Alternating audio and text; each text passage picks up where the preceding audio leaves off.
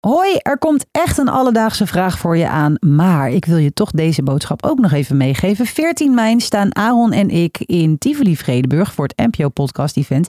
En we mogen gratis kaartjes weggeven. En uh, het lijkt ons hartstikke leuk om te weten wat nou jouw favoriete alledaagse vraag was. Stuur ons een mail naar alledaagsevragen.bnnvara.nl of slide in onze DM op Instagram. Vertel ons wat jij de leukste aflevering vindt. En wie weet win je twee kaartjes voor 14 mei. Hallo Alledaagse Vragen. Ik kijk graag naar het Eurovisie Songfestival. Gezien de ontwikkelingen rondom de Nederlandse inzending vroeg ik me af... wat moet je allemaal in huis hebben om goed te kunnen zingen? Alledaagse Vragen. NPO Luister. Marcus, dankjewel voor het insturen van je vraag. En deze vraag die was natuurlijk naar aanleiding van het Eurovisie Songfestival. Ik wil het zeggen, ze moet denk ik zo een beetje te maken hebben met de zangkwaliteiten van onze inzending. Ja, Mia en Dion. Laten we nog even luisteren. I'm sorry, I'm just human now. Losing myself, I'm chasing high.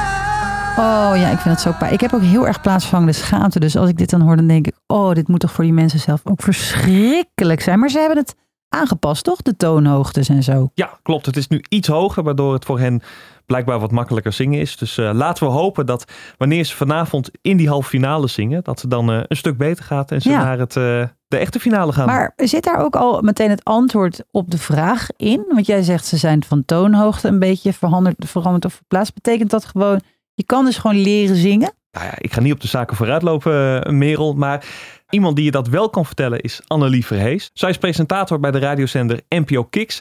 En verzorgt als muziekdocent ook regelmatig een muzieklesje theorie met Annelie bij Blokhuis op Radio 2. Oftewel, zij weet alles van muziek. En ik dacht, voordat we de hoofdvraag en de vraag van Marcus gaan beantwoorden, even een stapje terug. Want ja, wat is nu precies zuiver zingen? Vaak horen we het wel, maar Annelie kan ons vertellen ja, hoe dat nou echt werkt. Ja, dat is puur en alleen zing jij op de juiste toonhoogte. En die trillingen die zijn gewoon meetbaar. Als jij die toon precies raakt, dan zing je dus zuiver. Maar zit jij daaronder of erboven of er dus helemaal vanaf, dan is het onzuiver en dan zien wij dat als vals. Maar wat we eigenlijk ook vaak als vals ervaren, is als een stem een beetje bibberig of onzeker klinkt of overslaat. Dan kan het toch zijn dat iemand eigenlijk de toon wel juist zingt, maar dat het gewoon niet zo prettig is om aan te horen. Maar in principe is het dus, raak jij de toon of niet? Oh ja, dus zuiver zingen is niet alleen maar dat je de toon ook letterlijk raakt, maar ook hoe en met wat voor gevoel en of je hem vast kan houden. En ook wat we gewend zijn, denk ik toch? Want er zijn ook zat van eh, bijvoorbeeld Arabische toonladders die wij hier niet elke dag horen, die we misschien zouden associëren met vals, maar dat niet zijn. Nee, klopt. Het gaat ook inderdaad om wat je gewend bent. Maar ook met het zingen daarin is wel dat je die toon, ook al klinkt die voor ons niet goed, dat je wel vasthoudt. Binnen die toonladder moet hij wel kloppen. Precies. Terug naar de hoofdvraag. Want ja, eh, je moet dus een toon kunnen vasthouden. Maar kan iedereen dat? Of is dat vooral ook echt een kwestie van aanleg? Annelies daar het volgende over. Ja, fysiek gezien is het mogelijk voor iedereen om te kunnen zingen. Hè. Je wordt geboren met stembanden en je kunt stemtechniek trainen, net als alle andere spieren. Maar daarnaast is het essentieel dat je je oren traint. En om zuiver te kunnen zingen, moet jij tijdens het zingen direct kunnen horen of jij die toon goed raakt. En ja, daar heeft de een gewoon net iets meer aanleg voor dan de ander. Dat is vaak gewoon ook genetisch bepaald. Hè. Vaak zie je dat muzikale ouders ook muzikale kinderen krijgen. Dus die hebben dat van nature. Maar als je dat niet van nature hebt, is het wel degelijk te trainen. Alleen wat extra moeilijk is aan dit, je bent zelf het instrument. Dus als je er minder aanleg voor hebt, nou ja, hoe leer je dat dan? Makkelijkste is dan om een lied of een zangoefening te kiezen dat qua toonhoogte al een beetje in jouw range ligt. En daar bedoel ik mee de toonhoogte waarop je ook praat. Dus uh, probeer iets te, te, kiezen wat in je natuurlijke range ligt. En bijvoorbeeld als je kijkt naar Mia en Dion uh, van het Songfestival, die hebben dus nu hun liedje ook verhoogd, anderhalve toon hoger gemaakt, zodat het beter in hun natuurlijke range past. Zij voelen het, vinden het fijner om hoger te zingen dan het originele liedje. En daarom past, gaat het nu dus ook beter. Wat hoor ik hier? Iedereen kan het blijkbaar. Ja, maar toch denk ik, niet iedereen kan zingen zoals Whitney Houston. Dus je kan het wel leren, maar ik hoor ergens ook dat iedereen een bepaalde range heeft. Zeg maar, een soort van je max van wat je kan.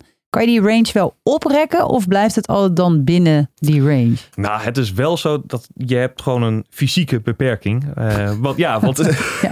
het lichaam van de een is niet het lichaam van de ander. En de stembanden van sommige mensen zijn ja, dusdanig anders dat die ja, toch bepaalde noten en range eh, makkelijker of, of gewoon wel kunnen halen en andere mensen niet. Dus in die zin ben je toch ook wel enigszins fysiek beperkt. Ja, exact. Wat is jouw beste toon? Mijn beste of, eh, of Je hoogste misschien mijn wel. hoogste toon? Je moet echt nog heel even een beetje trainen, denk ik. Dankjewel, Merel. Alledaagse vragen. We hoorden dus net dat iedereen kan leren zingen. Ja, behalve jij, Ja. denk ik. In ieder geval niet in die range. Nee, dat is mij nog even de pet erboven. Eh, maar toen ik het nieuws hoorde van Annelie, moest ik natuurlijk ook vragen: heb je nog tips? Ja, dat is bij de meeste dingen, hoe jonger, hoe beter. Eh, zingen is echt een vaardigheid dus die je kunt trainen. Maar hoe jonger je bent, hoe beter je dat gewoon onder de knie krijgt. En dat is net met een andere sport leren of een andere taal.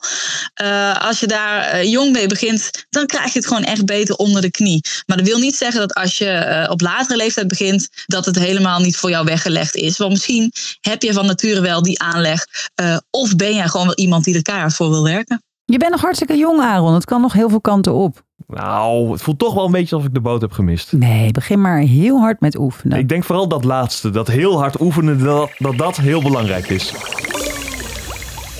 Dus, Marcus, om antwoord te geven op je vraag of iedereen zuiver kan leren zingen, is het antwoord ja. Fysiek gezien kan iedereen zijn stembanden trainen om zuiver te leren zingen.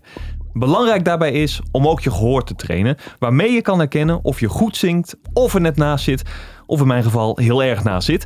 En verder is het zo dat sommige mensen er wel wat meer aanleg voor hebben, maar met heel veel oefenen zou in theorie iedereen het moeten kunnen. Heb jij ook een vraag? Stuur ons dan een berichtje op Instagram. Dat kan naar Alledaagse Vragen. Of stuur een mailtje naar alledaagsvragen.bnnvara.nl en dan zoek ik het voor je uit. Alledaagse vragen. NPO Luister. BNN Vara.